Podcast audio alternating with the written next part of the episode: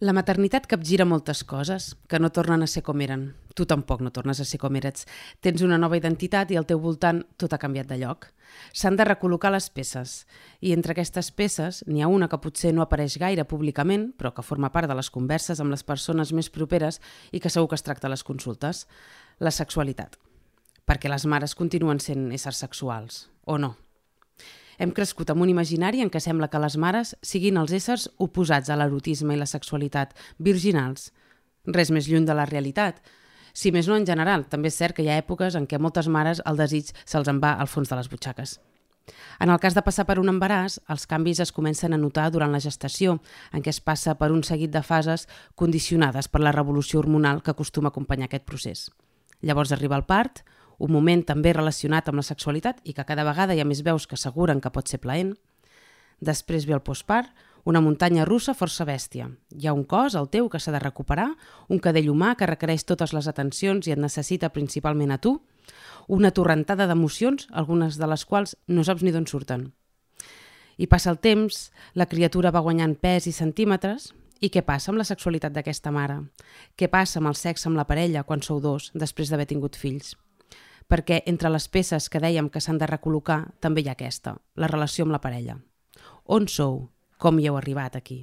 Quant de temps fa que no us feu ni tan sols carícies i petons sobrepassats per les nits de plors, els horaris de feina i les bugades per estendre? Al llibre Sortir de mare, Helena Crespi parla de com l'arribada d'una criatura ho fa trontollar tot, també la relació de parella.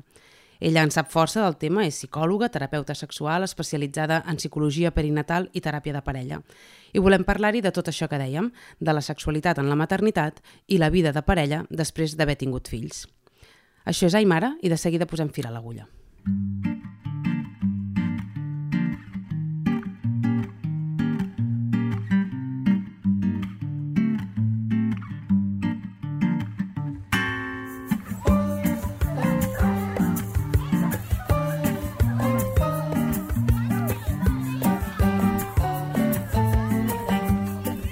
Ai Mare, el podcast sobre maternitats de VilaWeb, amb Bel Savalla. Helena Crespi, bon dia i bona hora, benvinguda. Molt bon dia, moltes gràcies. Encara s'ha de lluitar contra aquest imaginari de la mare virginal, que sembla que o ets mare o ets sexual, les dues coses alhora no pot ser perquè peta caps. Sí, sí, encara ja estem batallant força. Hi ha com un petit... No és un oasi, perquè al contrari, és, és, és quelcom una mica fosc. En algunes pàgines de pornografia on les mares són un objecte de desig sexual molt gran, les MILF en diuen, però fora d'aquest petit pessic d'alguna potser inclús parafília, eh, hem de batallar, és a dir, tu arribes a un embaràs en principi, no sé que hi hagi alguna dificultat a través de les relacions sexuals, però després resulta que ja està, t'has convertit en mama i mama no vol dir erotisme, no vol dir sexualitat, vol dir doncs, està per una criatura, no? per fer-la créixer dins i després per fer-la créixer fora. I això sembla que no admet sexe. I això suposo que té a veure amb, amb la manera com s'ha entès el, el desig, o com no s'ha entès, diguéssim, el desig de, de femení, no? Clar. Home, fixa't que nosaltres venim d'una cultura judeocristiana on inclús la Verge Maria és verge, o sigui... Uh, Venim d'aquí, sí, sí. Clar, clar, és, és com el súmum d'aquesta asexualitat, no? Uh, i, i, i ens toca batallar-hi, no? I encara sembla mentida que encara, que encara ens trobem amb això i comença a ser hora de reivindicar que, malgrat a vegades és cert que en el moment de l'embaràs, sobretot el postpart, la sexualitat compartida o la sexualitat o l'autoerotisme a vegades passa ja no en segon pla, sinó que queda al fons de les butxaques, com deies, uh, no passa totes i potser si passa és perquè també ens hi condueixen cap aquí, eh? Clar, com va això? Expliqueu una mica, és a dir, a l'embaràs passes per tot de fases, no? Mm. I hi ha com... Això sí que t'ho esmenten una mica els llibres de consulta, que és com molt estereotipat, no? Sí. Sembla que el primer trimestre normalment no, no, no tindràs desig perquè tens nàusees i tal, el segon sembla que hi ha d'haver un pic de desig i el tercer, doncs, depèn una mica de com et trobis cap al final de l'embaràs. Però entenc que no totes les dones passen per aquest procés i potser val la pena dir-ho, que cada cosa és un món i que tot és vàlid, no? I tant. De fet, crec que està, és genial que es pugui parlar de desig durant l'embaràs, perquè estava com vetat també, no? És a dir, clar, imagina't, tu estàs fent créixer una criatura dins la teva panxa i pensar en sexe, compartit o individual, és com uf, uf, no? Uh, per tant, està molt bé que se'n parli, però clar, sempre sembla que hem d'anar seguint uns patrons. I no, no, tu pots trobar-te que el primer trimestre pots tenir molt desig o no, el segon trimestre pots tenir molt desig o no, i el tercer trimestre pots tenir molt desig o no, o un desig mig, o un dia sí i l'altre no, és a dir, és completament variable, no seguim patrons, sí que sembla que hi ha una tendència, eh, que el segon trimestre és quan ens trobem més bé, és un, com un trimestre, però no passa a tothom. Llavors, clar, les persones que estan allà ja estan i que diuen, doncs a mi no em passa això, se senten super estranyes, no? Vull dir que fantàstic que almenys se'n parli una mica, però que ningú s'espanti si no compleix amb el patró que ara representa que hem de seguir, no? I, i l'altre patró que s'explica bastant és el del postpart, mm. no? Els parla del puerperi, que també sembla que hagi de ser passats els 40 dies estipulats, ja, ja està, no? Ja, ja s'ha acabat tot i, i allà a vegades hi ha un senyor esperant que, que hagin passat els 40 dies. Clar. I què? Això què? Això, això malauradament és cert, és a dir, que moltes vegades hi ha senyors esperant a que es, es deixi, no? És com allò, aixequen la bandera i no, és tard, un altre cop, no? I es pretén tenir exactament el mateix tipus de relacions sexuals que es tenien abans de que apareguessin les criatures. Llavors, aquí hem, és que es barregen moltes coses, perquè hi ha com aquesta, aquests 40 dies d'espera per poder aixecar bandera, però després també es parla d'un postpart més llarg, on qui, la mare, qui ha gestat aquella criatura, no està ni de tros, uh, inclús encara que no s'hagi gestat, eh, però en el cas d'haver gestat, clar, necessites, tens una recuperació física i psicològica associada a tots els canvis que, que hi ha, um, que van molt més enllà d'aquesta quarantena, i clar, ens trobem amb parelles que poden passar molts mesos, moltes setmanes, sense compartir relacions sexuals. I aquí hi ha una combinació de dues coses. Un, físicament, evidentment, s'han de recuperar moltes coses, però l'altre és que potser hi ha moltes dones, moltes mares, que després de parir s'adonen que no volen tenir relacions sexuals com les tenien abans.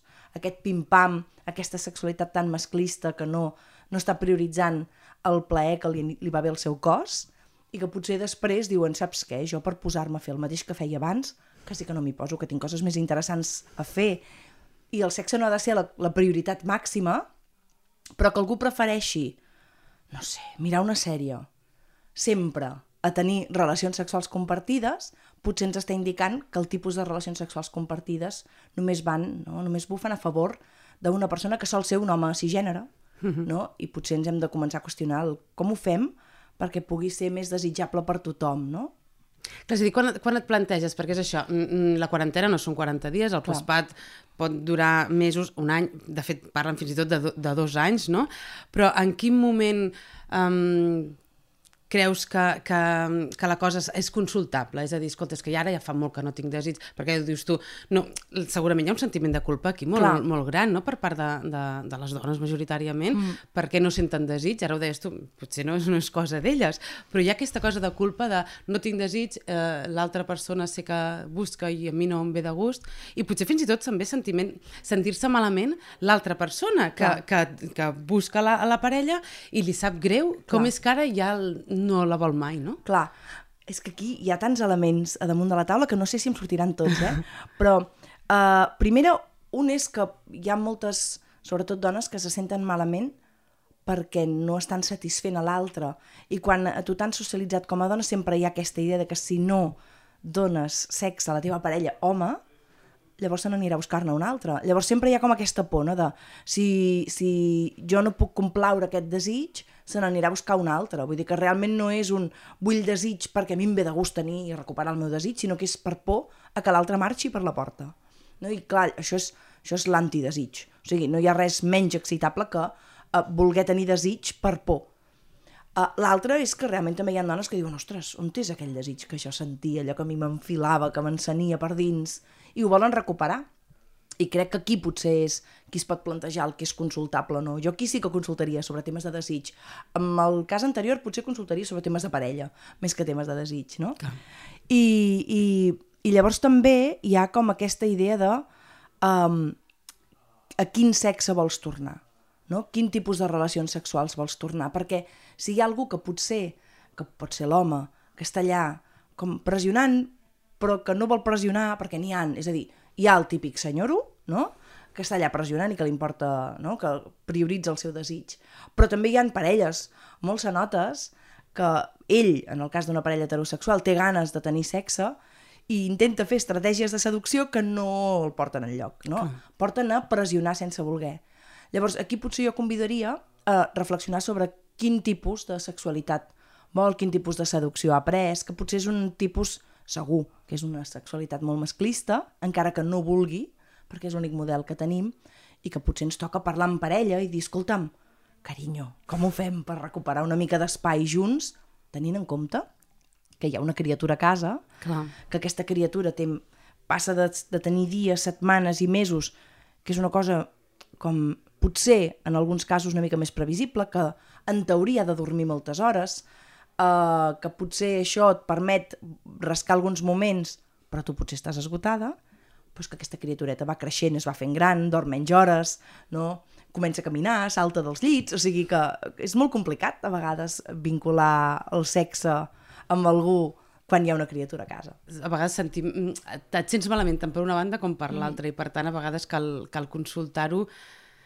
bueno, si realment vols que la cosa, la cosa millori, no? perquè a vegades és molt fàcil entrar en unes dinàmiques mm, nocives. Sí, és, de fet, jo crec que estem predestinats gairebé a entrar en aquestes dinàmiques nocives, no perquè realment ho portem incorporat, sinó perquè ens ensenyen a no parlar de les coses importants en parella, no? o de les coses importants com la sexualitat en parella. És a dir, el, el sexe és allò que fa tothom, però que en parla molt poca gent. I en parella, generalment, no passa aquest ostres, no? Uh, què està passant? Com ho podem fer? Tu com et sents? Com va? Uh, jo tinc menys ganes, tu en tens més, o la inversa.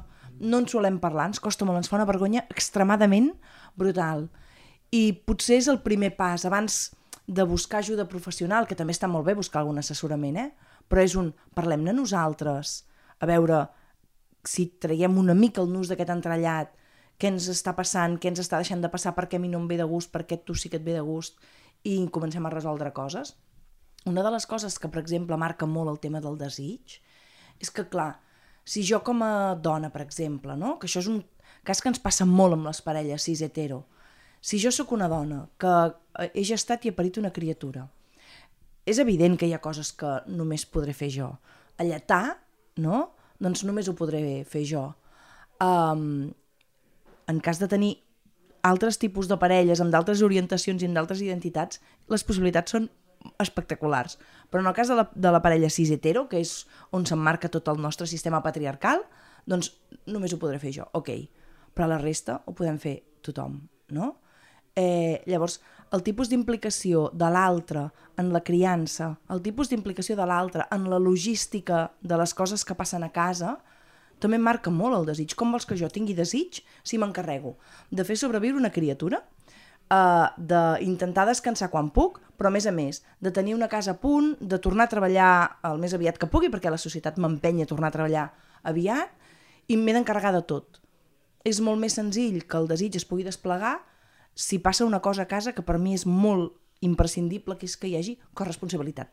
Que és una paraula que jo quan la dic somric perquè no sé on està, uh, en la majoria de llars no existeix, i llavors jo quasi que diria que és molt difícil que hi hagi un desig saludable per part dels dos membres de la parella en cas de ser dos, uh, uh, si no hi ha corresponsabilitat és molt complicat. I aquesta cosa de la càrrega mental Clar. també, no? Que, ostres, realment, és que quan t'hi trobes eh, és, és molt difícil treure-te-la de sobre, no? Perquè fins i tot sent-ne conscient la, la, la portes. Sí, sí. Jo, jo últimament explico que inclús en llars on la corresponsabilitat existeix, que n'hi ha, uh, hi ha una part de la càrrega mental que potser la reparteixes, però hi ha la part externa de la càrrega mental que la tens tu a sobre, no? És a dir, aquest, que tothom et pregunti a tu perquè ets la mare de la criatura, no? Uh, si quin peu calça, si menja no sé què, quan ha anat al dentista, quina hora no sé què, mm, els grups de WhatsApp per muntar festes d'aniversari, coses que poden semblar tonteries completes però que generalment són espais de mares, no? Llavors, eh, eh, jo m'al·lucino perquè jo tinc eh, com a privilegi, que no hauria de ser, però tinc el privilegi de tenir una, una família molt corresponsable i hi ha coses que sempre em miren a mi, no? I tu, mare? I no? Uh, ja menja això, aquesta criatura, i tu, mare, uh, tal, no sé què, i tu pum, automàticament apareix en un grup de WhatsApp per muntar no sé què, per regalar no sé què, per no sé què. És brutal, no? I, això són tonteries que una rere l'altra, sumada a tota la resta, fan que hi hagi una càrrega descomunal, no? Clar, tot, I tot això va, va afegint-se, no?, aquesta... Uh, bueno, aquesta dificultat, suposo, per trobar moments i tu va trobar el desig, no? I, i llavors, eh, tu en el llibre comentes algunes maneres de, de reconnectar una mica amb, amb, amb la sexualitat, perquè clar, si han passat, vés a saber quants mesos en què, que no t'has fet ni una carícia un petó, aquí suposo que per, per després anar-ho recuperant deus haver d'anar de mica en mica, Clar. perquè passar de 0 a 100 és molt difícil, Clar. no? Llavors, um, si et sembla, eh, esmentem un, uns punts que, que tu expliques al llibre, jo te'ls esmento i tu els, els comentes I breument, tant. per potenciar la segregació d'oxitocina, dius. I moment que parles del joc dels 10 minuts. Què és el joc dels 10 minuts? Clar, el joc dels 10 minuts és un joc que, a més a més, jo crec que les que hem tingut criatures estem molt acostumades, es parla molt del pell a pell, amb, amb, amb el bebè, doncs en parella també hi ha d'haver pell a pell. Clar, si jo amb la meva parella no em toco ni tan sols eh, 10 minuts al dia, no? Clar, jo, hi ha com dos jocs de 10 minuts, eh? El del pell a pell i el de la conversa, eh? Llavors, eh, no cada dia s'han de fer tots 10, no? Perquè llavors són 20 minuts, no? Llavors és complicat. Llavors, n'hi ha un que és el tocar-nos, 10 minuts al vespre, o al matí, quan sigui, no? de contacte pell a pell, això vol dir que no hi pot haver roba pel mig, val? l'oxitocina no es desperta si no hi ha, si hi ha roba pel mig, val? Uh, és imprescindible, perquè si jo no em toco amb la meva parella, el desig no es desperta, i sobretot no es desperta, en, per exemple, el meu cas, que a mi m'han socialitzat com a dona, per tant, m'han ensenyat una sexualitat que és molt diferent a la que els hi han ensenyat els homes. Els homes els hi han ensenyat a despertar-se, plaf, fàcil. En canvi a mi, no, perquè si jo em desperto molt fàcilment, em titllen ràpidament de moltes coses de les que no em vull ser titllada, no? Eh, per tant, eh, el meu desig necessita una mica de temps per començar a despertar-se, en general. Eh, I llavors també hi ha 10 minuts de conversa, perquè és que si no podem parlar de les coses que ens passen més enllà de la canalla, eh, clar, l'espai de parella tampoc es cultiva, no? Després hi ha bé, el temps de parella, que entenc que és sí. això, i després hi ha una cosa que em va fer molta gràcia quan la vas llegir, que és recuperar els petons, perquè dius... Home, clar. dius no, ja, eh, és la, segurament és la primera cosa que apareix en una parella i la primera que desapareix. Sí, és molt fort, no? Clar, eh, ara si fem l'exercici aquest de recordar els primers petons que ens fèiem en parella, que bueno, van ser... van durar temps, no? És a dir, petons apassionats, d'aquests estupendos que t'encenen les galtes només de pensar-hi, eh? On són ara quan portes, que, no sé, eh? eh, més enllà de 4, 5, 10, 25 anys en parella, aquests petons de que és que no, que no pots pensar en res més, més que estar allà present, desapareixen. I els petons són molt importants per despertar el desig. No? Llavors, al final acabem fent un i ja està, no? O només anem a buscar aquest tipus de petons quan després volem que hi hagi una mica més de xitxa. I clar, al final acabem vinculant un petó apassionat amb que hi hagi una relació sexual amb penetració, que és el que ens han ensenyat que hem de fer.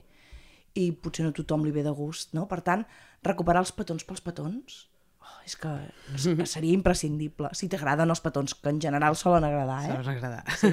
Clar, de fet, ara pensar que això hi ha d'haver aquesta voluntat per, per les dues bandes, Clar. és a dir, um, si tu vols recuperar una mica la, la cosa, podem fer això també, suposo que és important, abans us he esmentat, el fet de respectar els tempos Clar. no? en, en, en, cada, en cada parella, en cada mm. situació, perquè jo no sé si, si hi ha algun moment que es pugui considerar patològic el fet de, de, no, de, no, de que no se't desperti el desig. No sé, perquè pensar, per exemple, que una cosa que potser s'hauria de reivindicar.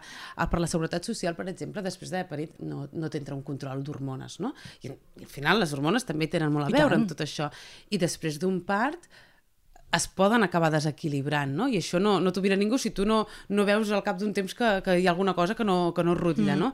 Per tant, ben, no sé si, si val la pena mirar-s'ho i sobretot eh, entendre què vols tu i què, què és el que necessita el teu cos, no? Clar, és com, és, és, la Seguretat Social hauria de cobrir moltes coses sí, que no està sí, cobrint, sí. no? Eh, S'haurien d'abocar molts més diners a la nostra sanitat pública, està clar, perquè llavors n'hi hagi més per la salut mental, perquè després n'hi hagi més a la salut sexual i perquè n'hi hagi més a la salut perinatal, sexual, mental, de tot, no?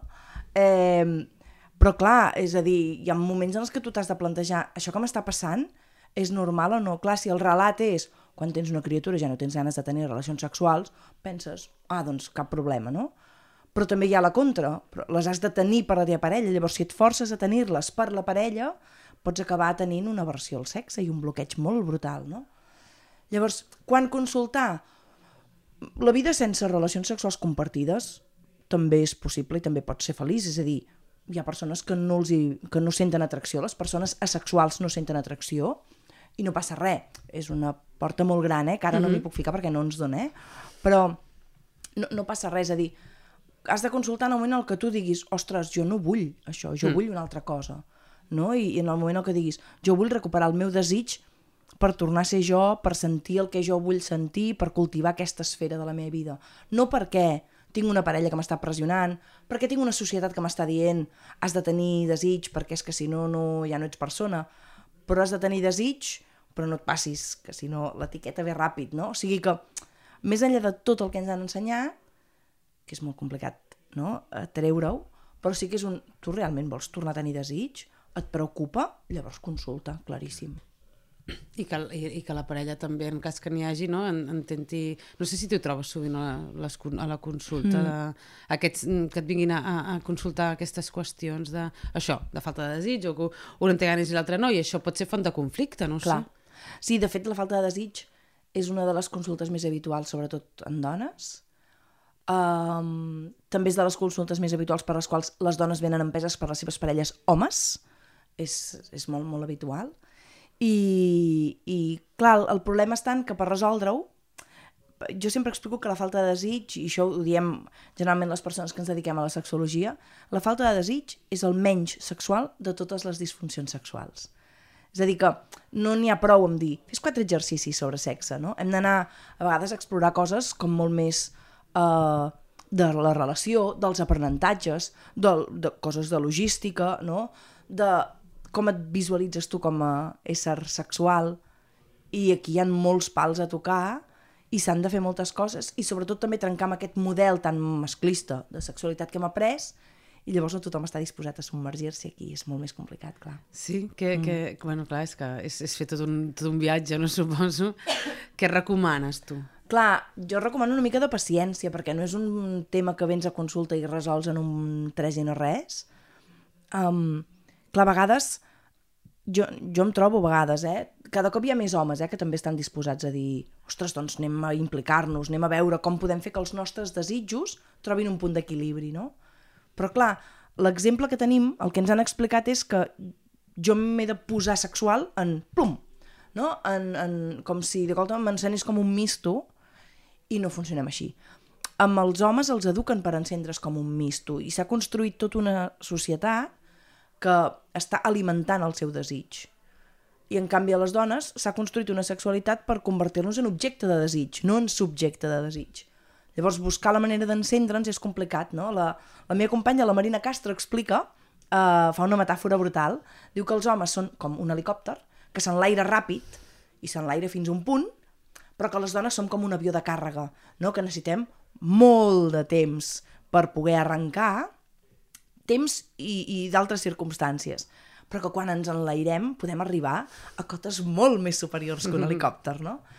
I això també fa por. És a dir, que puguem tenir aquesta capacitat per erotitzar-nos i sexualitzar-nos d'una manera descomunal, fa molta por. De fet, jo sempre tinc la teoria de que la societat s'ha construït per capar aquesta part tan curiosa i tan sexual de les dones, no?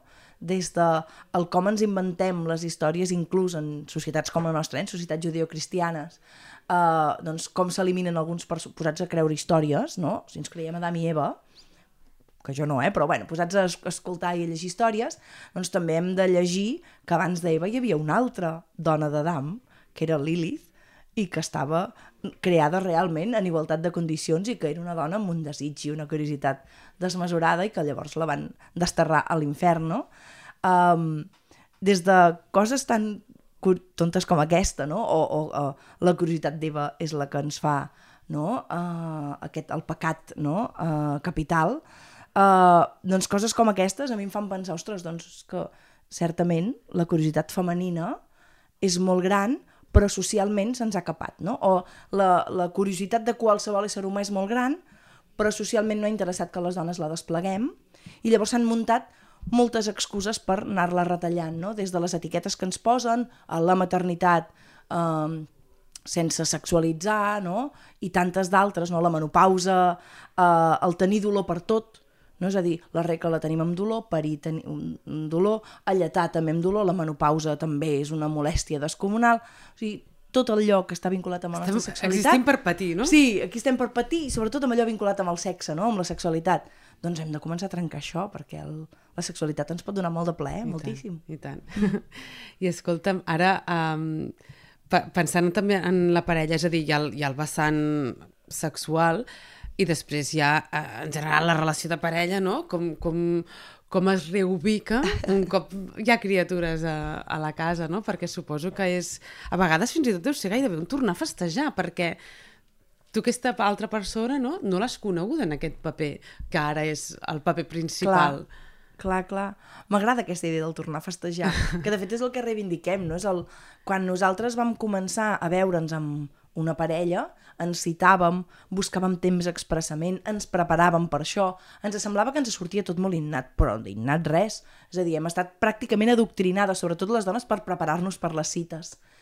I ara, de cop i volta, és no, com que ja convivim, com que ja tenim criatures, no hem d'anar a buscar expressament, i tant més que mai, perquè el temps que passem a casa, si tenim l'oportunitat de passar-ne, que en la societat en la que vivim, amb els horaris que, que tenim, a vegades és difícil coincidir inclús per esmorzar, um, és temps quotidià, és temps de, no, que, no, que no compta com a temps de parella. Per tant, hem d'anar-lo a buscar i aquest tornar a festejar, tornar-nos a citar, reservar-nos espai dins de casa, encara que hi hagi la canalla, eh? o fora de casa, si tenim l'oportunitat, perquè llavors ja depèn de moltes més coses, de poder tenir alguna cita, no? de preparar-nos per quedar amb la nostra parella, és xulíssim, no? Doncs vaig a preparar-me no? per, per tenir una cita. Clar, jo ho trobo fantàstic. Generalment moltes dones ho troben fantàstic. Generalment a molts homes els hi fa molta mandra. Sí, perquè eh? pensen, tot això m'he de currar? O sigui, la idea, i a consulta ens arriba, eh, tot això m'he de currar per acabar tenint sexe? Uf. Bueno, tot això t'has de currar perquè la relació de parella segueixi funcionant. Clar, clar, ja no és només el tenir sexe Clar, o no tenir sexe, clar. és que esteu convivint, no? Heu format una família i en principi has de voler que la cosa vagi bé, si En encara hi sou a principi. temps, no sé. Sí, Deu haver sí. moments que deus dir, ara això ja no té solució, no bueno, és que clar, la, la canalla fa trontollar molt fort la relació, no? Perquè tu t'imagines com serà, com amb tot, eh? Sempre anem jugant amb l'imaginari. Jo m'imagino com serà i després si es compleixen les expectatives o no, doncs mira, estàs més contenta o estàs més, uh, més enfadada. Clar. I malauradament amb el tema de les cures, clar, ens han educat a nosaltres per ser les reines de les cures. A ells no. Però també s'hi poden posar. Els canvis sé que van a poc a poc, els canvis estructurals, però mica en mica a casa nostra hi ha canvis que els poden fer qualsevol home, qualsevol home. No? És a dir, qualsevol. No? Coses que poden semblar absurdes i, i petites, doncs potser poden tenir resultats fantàstics per una relació de parella, per sentir que s'està cuidant la relació, perquè si no, la tendència és el caos, és a dir, la tendència és la destrucció. Si tu no cuides alguna cosa, es Clar, fa és molt malbé. fàcil, no? Suposo deixar-se endur per la Clar, inèrcia i, clar. per tant, anar-se deixant. Clar, també. I hi ha de fer una, hi ha d'haver, entenc, una feina proactiva si Sí. vols que la cosa funcioni. Sí, a més és curiós perquè intentem que funcionin moltes coses, però la relació de parella sembla que no. No l'hem de voler fer funcionar. No? Tenim aquesta idea, del, aquest mite de l'amor romàntic, de que quan trobes una parella és per sempre, que encara hi és, molt subterrani, molt camuflat, però encara hi és, i llavors, clar, aquesta idea de cuidar la relació se'ns fa com molt estranya. Doncs no, s'ha de cuidar, perquè és que si no ens cuidem, la tendència és a que ens anem erosionant i que tot això es va fent malbé i arribarà un punt en el que potser serà eh, que, que és irre- irremediable, ja no es podrà arreglar, no? O sigui que val la pena potser posar-hi una mica d'esforç. Tu en el llibre parles de la metàfora de la planta. Què Mm. és? Doncs eh, ens imaginem la parella com una planteta a la que hem de regar. Clar, una planta generalment necessita de certs elements perquè pugui créixer sana, no? Doncs algunes que els hi toqui el sol, d'altres que els hi toqui més l'ombra, però generalment totes, inclús els cactus, de tant en tant necessiten una mica d'aigua, no? Doncs eh, la metàfora de la planteta és això, és que cada relació ha de trobar quina aigua li va bé, quina quantitat d'aigua li va bé, com és aquesta aigua, no? I l'hem d'anar regant mica en mica, perquè si no la relació es marceix. i potser val la pena parlar-ne, no? És a dir, per una feina, per mantenir una feina o per eh, promocionar-me la feina, jo m'encarrego de eh, fer-la bé, estudiar més, no? preparar-me per un lloc, no? per una posició, per no sé què, i en canvi per la parella, què hem de fer? Des de que ens vam conèixer fa X anys, ja sempre funcionarà això sense que jo hi, hi hagi de fer res? No, no, no. Hem de regar-ho, això, hem de regar-ho. I, I tu què és el, el que et consulten a, quan, quan venen a, a veure't? En el cas d'això de parelles que vulguin resoldre la cosa perquè, perquè no va bé, què és el que passa quan, en, el, en el context de, de fills eh, i d'aquest mm. desgast? Sí, clar, jo em trobo, i a més ara jo m'ho trobo de ple perquè per l'edat que tinc jo, no? és a dir, passa com una cosa màgica consulta, que és que generalment sempre ve gent de la teva edat, una mica més jove, una mica més gran, no? menys 10, més 10, no? I clar, em trobo molta gent que està en plena voràgine, d'haver de cuidar canalla i generalment sempre és aquesta càrrega mental que no ens l'hem inventat, que existeix, no? La logística, el com repartir la logística en tot plegat, el que coses molt evidents per fer-nos corresponsables, doncs hi ha una persona que està allà al peu del canó i l'altra no, i el tema sexe, claríssim, no? que moltes vegades és conseqüència de tot l'anterior. No? És a dir, a vegades la, la, la consulta fàcil és per un tema de sexe, però quan rasques veus que hi ha tot lo anterior, no? És a dir, que a vegades hi ha moltes parelles que venen perquè no tenim gaire relacions sexuals, no ens entenem gaire, ens discutim molt, les discussions, la, la manca de bona comunicació, doncs hi és, i tots aquests, no?, corresponsabilitat, cures de criatura, sexe, tot, queda com molt danyat, no? Jo tinc una amiga que diu abans dels dos anys de la criatura prohibit separar-se. És com que els dos primers anys de la criatura són, van entre parèntesi una mica. És que clar, els dos primers anys d'una criatura són molt, molt bonics, perquè la maternitat si alguna té és que és molt contradictòria, és a dir, és tan bonica com dura. I a partir dels dos anys jo dic que es comença a veure una mica la llum, no? perquè veus que aquella personeta, ah carai, que comença a fer coses de manera una mica autosuficient, no? I tu pots marxar uns quants metres i potser no es queixa tant, no? I pots començar a fer coses que abans, doncs potser, si no tenies una bona xarxa o pel que fos no es podia, doncs no podies fer, no? Per tant, és una bona teoria, en, en casos extrems no, eh? Però és una molt bona teoria. Abans dels dos anys mm, és que és un terratrèmol molt gros, no? Llavors, ànims, no? parleu-ne, ajudeu-vos i mica en mica ja s'anirà recuperant tot, no? I, I tu arribes a recomanar en algun cas mm, que la cosa ja no, no, no té solució, diguéssim? De manera tan, tan, tan directiva potser no, perquè jo he vist a vegades coses com molt salvatges a consulta, eh? Mm, passa poc, perquè quan tu veus que aquella parella està molt, molt, molt afectada, que té un grau d'afectació del 90%, és molt difícil que una parella pugui recuperar-se però bueno, alguna... No? Bueno, jo dic a vegades que els miracles ni a Lourdes, però bueno, a vegades alguna cosa així com una mica veiem, no? que no saps ben bé com ha anat i, i se n'han adonat de què implicava perdre's i han volgut recuperar-ho, no? Però jo directament no ho dic, però sí que els, a vegades em toca posar en situació límit, perquè clar, és que quan, quan tu veus no? que una parella l'únic que fan és queixar-se l'un de l'altre, jo molts cops els hi pregunto, no? I llavors per què esteu junts? A mi m'han de demostrar el per què volen estar junts, perquè per amor, així com a titular bàsic, no em serveix. Yeah. Perquè hem entès que l'amor és una cosa que no és. No? O perquè, perquè quan estem bé, estem bé, quan estem bé, estem bé. Clar, però si això és un 10% del teu temps, no? eh, doncs potser has de valorar si realment estàs bé o si aquest bé és autèntic, no?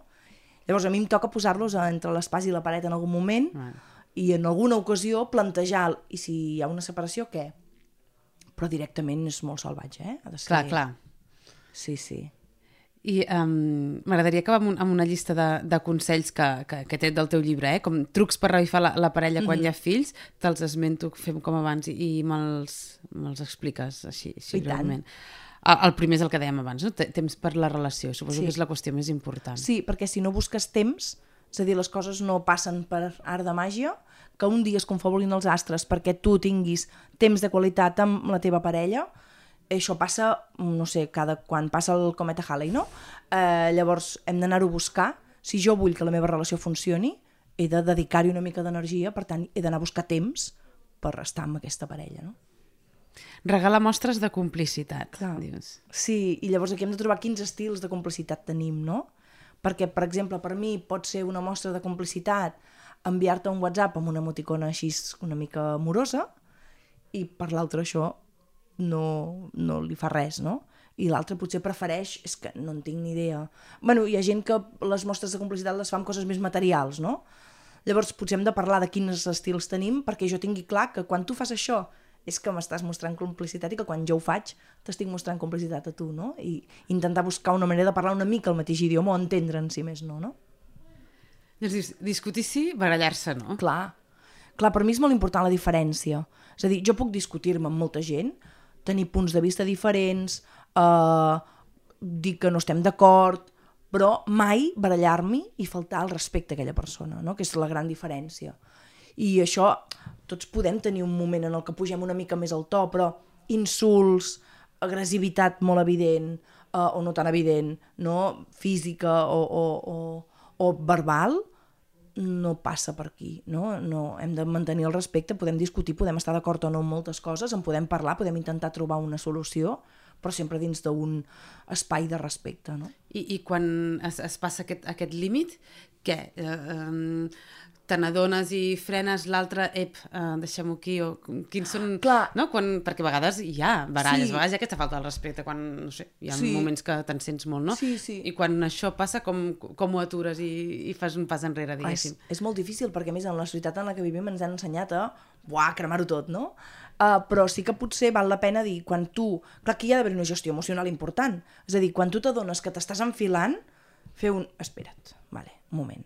I nosaltres moltes vegades recomanem que no es tingui una discussió quan veus que te'n vas i t'enfiles com, fuà, no? com si estiguis a punt de, de, de deixar anar foc per la boca.